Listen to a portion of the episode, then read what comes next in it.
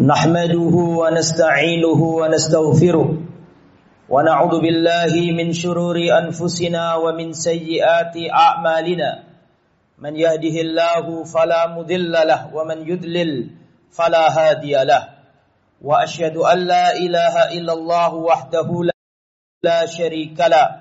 وأشهد أن محمدا عبده ورسوله. لا نبي ولا رسول بعده.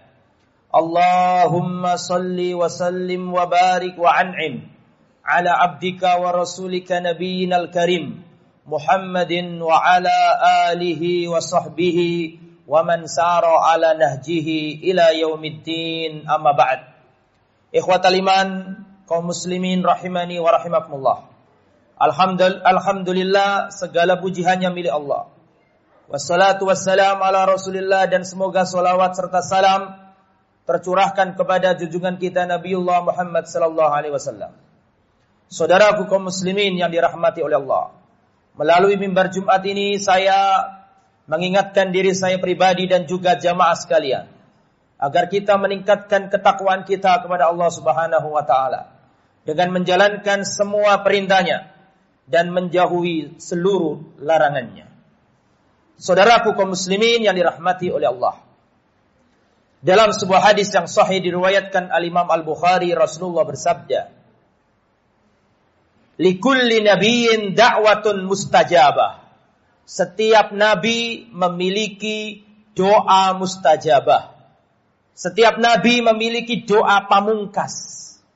Fata'ajjala kullu nabiyyin da'watahu. Akan tetapi seluruh para nabi sudah menggunakan doa mustajabahnya seluruh para nabi dari Adam sampai Nabi Isa alaihissalam sudah menggunakan doa mustajabahnya masing-masing. Kecuali Rasulullah. Kata beliau, ini ikhtabatu da'wati syafa'atan li ummati yaumal qiyamah. Kecuali aku, aku simpan doa pamungkasku untuk memberi syafaat bagi umatku pada hari kiamat. Ikhwatal iman. Hadis ini hadis yang sahih diriwayatkan oleh Imam Al-Bukhari. Begitu sayangnya Rasulullah kepada kita umatnya. Sampai-sampai Nabi menyimpan rapat doa pamungkasnya. Untuk kebaikan kita di akhirat kelak. Seluruh para Nabi dari Adam sampai Isa alaihissalam sudah menggunakan doa mustajabahnya. Sudah menggunakan doa pamungkasnya masing-masing. Kecuali Rasulullah Rasulullah simpan rapat-rapat doa yang paling istimewa ini untuk memberi syafaat bagi umatnya pada hari kiamat. Pada hari kiamat. Dalam hadis yang lain diriwayatkan Imam Tirmidzi, Rasulullah Sallallahu Alaihi Wasallam juga bersabda, "Khuyyirtu an yadkhula nisfu ummati al jannah wa baina syafa'ah." Aku diberi dua pilihan oleh Allah antara separuh umatku masuk surga atau syafaat. Muhammad kamu pilih mana? Separuh umatmu masuk surga atau syafaat? Kata Rasul, fakhtartu syafa'ah. Aku lebih memilih syafaat.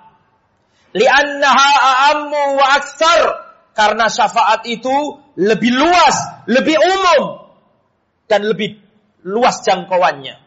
Kemudian Rasulullah bertanya kepada para sahabat, Ataruna halil muttaqin? Wahai para sahabatku, Apakah kalian mengira syafaatku itu untuk orang yang bertakwa? La, tidak. Balil mudnibin al mutalawithin al khata'in.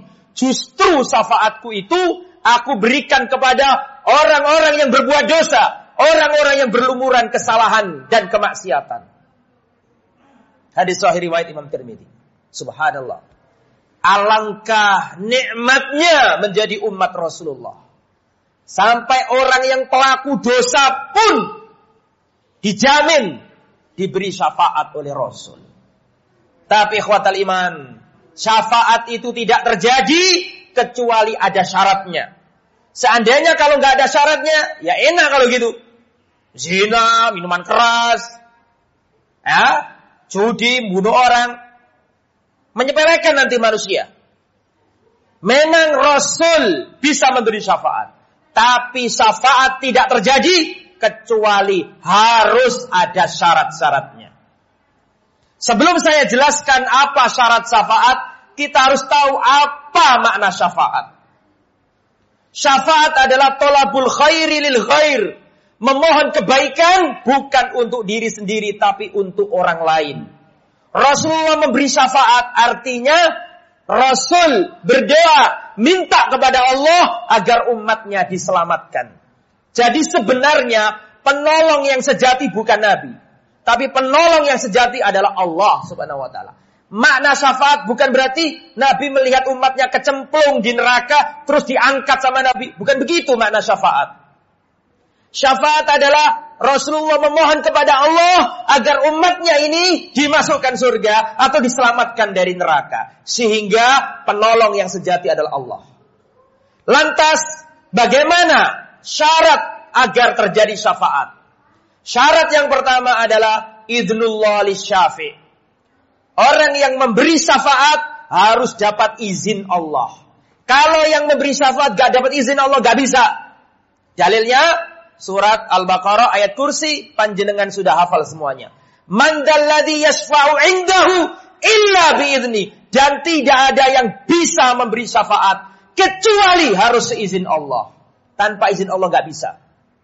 Nanti pada hari kiamat, orang-orang jahat, orang-orang yang durjana ketakutan, matahari didekatkan, manusia mencekam ketakutan, dilanda kemelut pada hari kiamat, ketakutan mereka. Maka orang-orang jahat, orang-orang durjana mencari syafaat. Mereka datang berbondong-bondong kepada Nabi Adam alaihissalam. Wahai Nabi Adam, berikan syafaatmu. Tidakkah engkau tahu keadaan kami seperti ini? Sampaikan kepada Allah agar Allah mengampuni dosa kami. Nabi Adam menjawab, nafsi nafsi. Inna Rabbi ghadiba al-yaum ghadaban lam yaghdab qablahu wa mithlahu. Tak bisa aku nolong kalian. Pada hari ini Allah murka. Tidak pernah Allah murka seperti murkanya hari ini. Aku nggak bisa nolong kalian karena dulu aku dilarang mendekati pohon surga, tapi aku melanggarnya. Aku nggak bisa. Idhabu ila Nuh, pergilah ke Nabi Nuh. Maka orang-orang durjana, orang bejat, orang jahat, mereka berbondong-bondong menuju Nabi Nuh minta syafaat. Wahai Nabi, Nabi Nuh, engkau adalah Rasul yang pertama kali diutus untuk umat manusia. Berikan syafaatmu wahai Nabi Nuh. Nabi Nuh menjawab nafsi, nafsi nggak bisa. Al inna rabbi ghadibal yaum ghadaban lam yakhdab qablahu wa mithlahu. Pada hari ini Allah murka, tidak pernah Allah murka melebihi murkanya hari ini. Aku nggak bisa nolong kalian karena dulu aku pernah berdoa hingga kaumku ditenggelamkan Allah Subhanahu wa taala. Idhabu ila Ibrahim. Berangkatlah menuju Nabi Ibrahim. Maka orang-orang berbondong-bondong menuju Nabi Ibrahim. Wahai Nabi Ibrahim berikan syafaatmu. Nabi Ibrahim menjawab sama nggak bisa. Hari ini Allah murka, tidak pernah Allah murka seperti hari ini. Aku gak bisa nolong kalian karena aku dulu pernah berbohong tiga kali. Idhamu ila Musa, berangkatlah menuju Nabi Musa. Maka orang jahat, orang besar berangkat menuju Nabi Musa. Wahai Nabi Musa berikan syafaatmu sampaikan kepada Allah agar Allah mengampuni dosa kami. Nabi Musa menjawab, Inna Rabbi ghadibal yaum ghadaban lam yakhdab mitlahu qablahu. Oh ba'dahu. Tidak bisa pada hari ini Allah murka. Tidak pernah Allah murka melebihi hari ini. Aku nggak bisa nolong kalian karena dulu aku pernah membunuh nyawa. Idhabu ila Isa. Maka mereka berbondong-bondong menuju Nabi Isa. Minta syafaat. Sama Nabi Isa nggak bisa. Nabi Isa menjawab, pada hari ini Allah murka. Tidak pernah Allah murka melebihi hari ini. Aku nggak bisa nolong kalian. Idhabu ila Muhammad. Pergilah menuju Nabi Muhammad wasallam. Nabi yang terakhir maka orang-orang ini berbondong-bondong menuju Nabi Muhammad. Maka Rasulullah Sallallahu Alaihi Wasallam sujud di bawah ars. Nabi Muhammad sujud di bawah ars. Kemudian Allah Subhanahu Wa Taala berkata ke Rasulullah, Ya Muhammad, irfa roksaka. Wahai Muhammad, angkat kepalamu. Is'al tu'ta, isfa tu syafa. Hei Muhammad, mintalah, aku kabulkan permintaanmu. Berikan syafaatmu, aku perkenankan syafaatmu. Kemudian Nabi berkata kepada Allah, Ya Rabbi, ummati, ummati. Ya Allah, umatku, Ya Allah, selamatkanlah umatku, Ya Allah. Ikhwatal iman. Betapa sayangnya Rasulullah kepada kita. Sampai-sampai doa pamungkasnya disimpan untuk memberi syafaat kepada kita. Ini adalah syarat yang pertama. Yang memberi syafaat harus dapat izin. Kalau nggak dapat izin, nggak bisa. Dan dalam hal ini, syafaat agung yang bisa hanya Rasul. Nabi-nabi yang lain nggak bisa. Syafaat-syafaat yang lain, naam, nabi yang lain bisa. Tapi syafaat yang agung hanya nabi yang bisa. Karena hanya nabi yang diberi izin oleh Allah. Itu syarat yang pertama. Yang memberi syafaat harus dapat izin. Syarat yang kedua, yang diberi syafaat harus diridhoi Allah. Kalau yang diberi syafaat tidak diridhoi Allah, nggak bisa. Kita tahu Rasulullah dapat izin untuk memberi syafaat. Tapi masalahnya orang yang diberi syafaat harus diridhoi Allah. Ya. Wala yasfa'una illa liman. Dan mereka tidak bisa memberi syafaat kecuali kepada orang-orang yang diridhoi Allah. Jadi kalau ingin dapat syafaat harus diridhoi Allah. Lah, syarat diridhoi Allah secara global ada dua. Kalau ingin dapat syafaat, panjenengan harus menjadi manusia yang diridhoi Allah. Syarat diridhoi Allah yang pertama, Anda harus bertauhid. Tanpa tauhid, Anda tidak dapat syafaat. Meskipun amalannya akeh, meskipun amalannya banyak sekali. Pamannya Nabi, mengasuh Nabi sejak kecil, merawat Nabi sejak kecil, membela Nabi. Ya, Abu Talib ketika hampir mati, Nabi berkata, Ya ammi kulla ilaha illallah, kalimatan asyhadu laka biha indallah yaumal qiyamah. Paman ucapkan la ilaha illallah, sebuah kalimat yang aku akan membelamu pada hari kiamat. Ucapkan la ilaha illallah paman. Tapi pamannya nggak mau mengucap la ilaha illallah. Tidak mau mengucap la ilaha illallah. Maka Nabi nggak bisa menyelamatkan dirinya. Karena syarat dapat syafaat harus ahli tauhid. Tanpa tauhid nggak bisa dapat syafaat. Abu Hurairah pernah bertanya kepada Rasulullah, "Ya Rasulullah, man asadun nasi bi syafaatika yaumal qiyamah?" Wahai Rasulullah, siapakah manusia yang paling bahagia mendapatkan syafaatmu pada hari kiamat? Rasulullah menjawab, As'adun nasi bi syafaati yaumal qiyamah, man qala la ilaha illallah khalisan min qalbihi. Orang yang beruntung, bahagia mendapatkan syafaatku pada hari kiamat adalah orang yang mengucapkan la ilaha illallah. Tiada yang berhak disembah kecuali Allah. Khalisan min qalbi, tulus, jernih, murni dari hatinya, tidak boleh melakukan kesyirikan. Jadi kalau ingin dapat syafaat, sampean harus bertauhid Meskipun solawatan bendino tapi sampai nang dukun, percaya klenik, pakai jimat, gak bisa dapat syafaat. Betul sakit. Kudu melakoni tauhid. Syarat yang kedua supaya diridai Allah, panjenengan harus mengikuti sunnah Rasulullah. Tanpa mengikuti sunnah Rasulullah, panjenengan tidak dapat syafaat Nabi.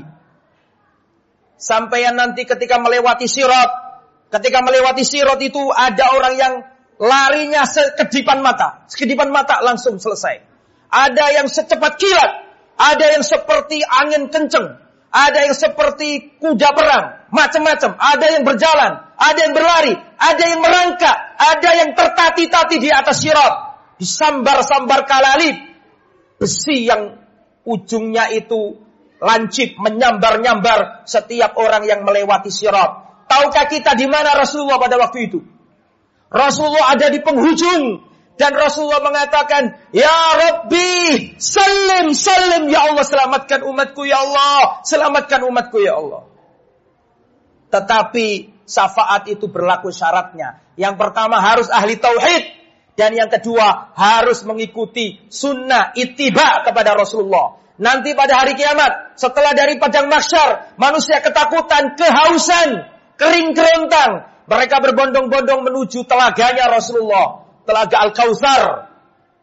Di saat ada umat berbondong-bondong, ada sebagian umatnya Nabi yang ditolak, ada sebagian umatnya Nabi diusir dari telaga. Maka Nabi mengenal mereka. Nabi mengatakan, Ya Rabbi ashabi ummati, umatku ya Allah biarkan masuk ke telagaku. Biarkan mereka masuk ya, Rasul, ya Allah ke telagaku. Rasulullah memberi syafaat kepada mereka agar dibiarkan masuk ke telaganya. Tapi Allah katakan kepadanya, Ya Muhammad, innaka la tadri ma ahdatu ba'daka. Wahai Muhammad, kamu nggak tahu apa yang mereka ada-adakan sepeninggalmu. Kamu nggak tahu Muhammad apa yang mereka bikin-bikin yang dulu nggak ada di zamanmu diada-adakan. Maka nggak bisa mendapatkan syafaatmu. Maka ikhwatal iman, bertauhidlah yang benar dan beritibaklah kepada Rasulullah agar kita mendapatkan syafaat dari beliau. Aku lu qauli hadza wa astaghfirullahaladzim innahu wal ghafurur rahim.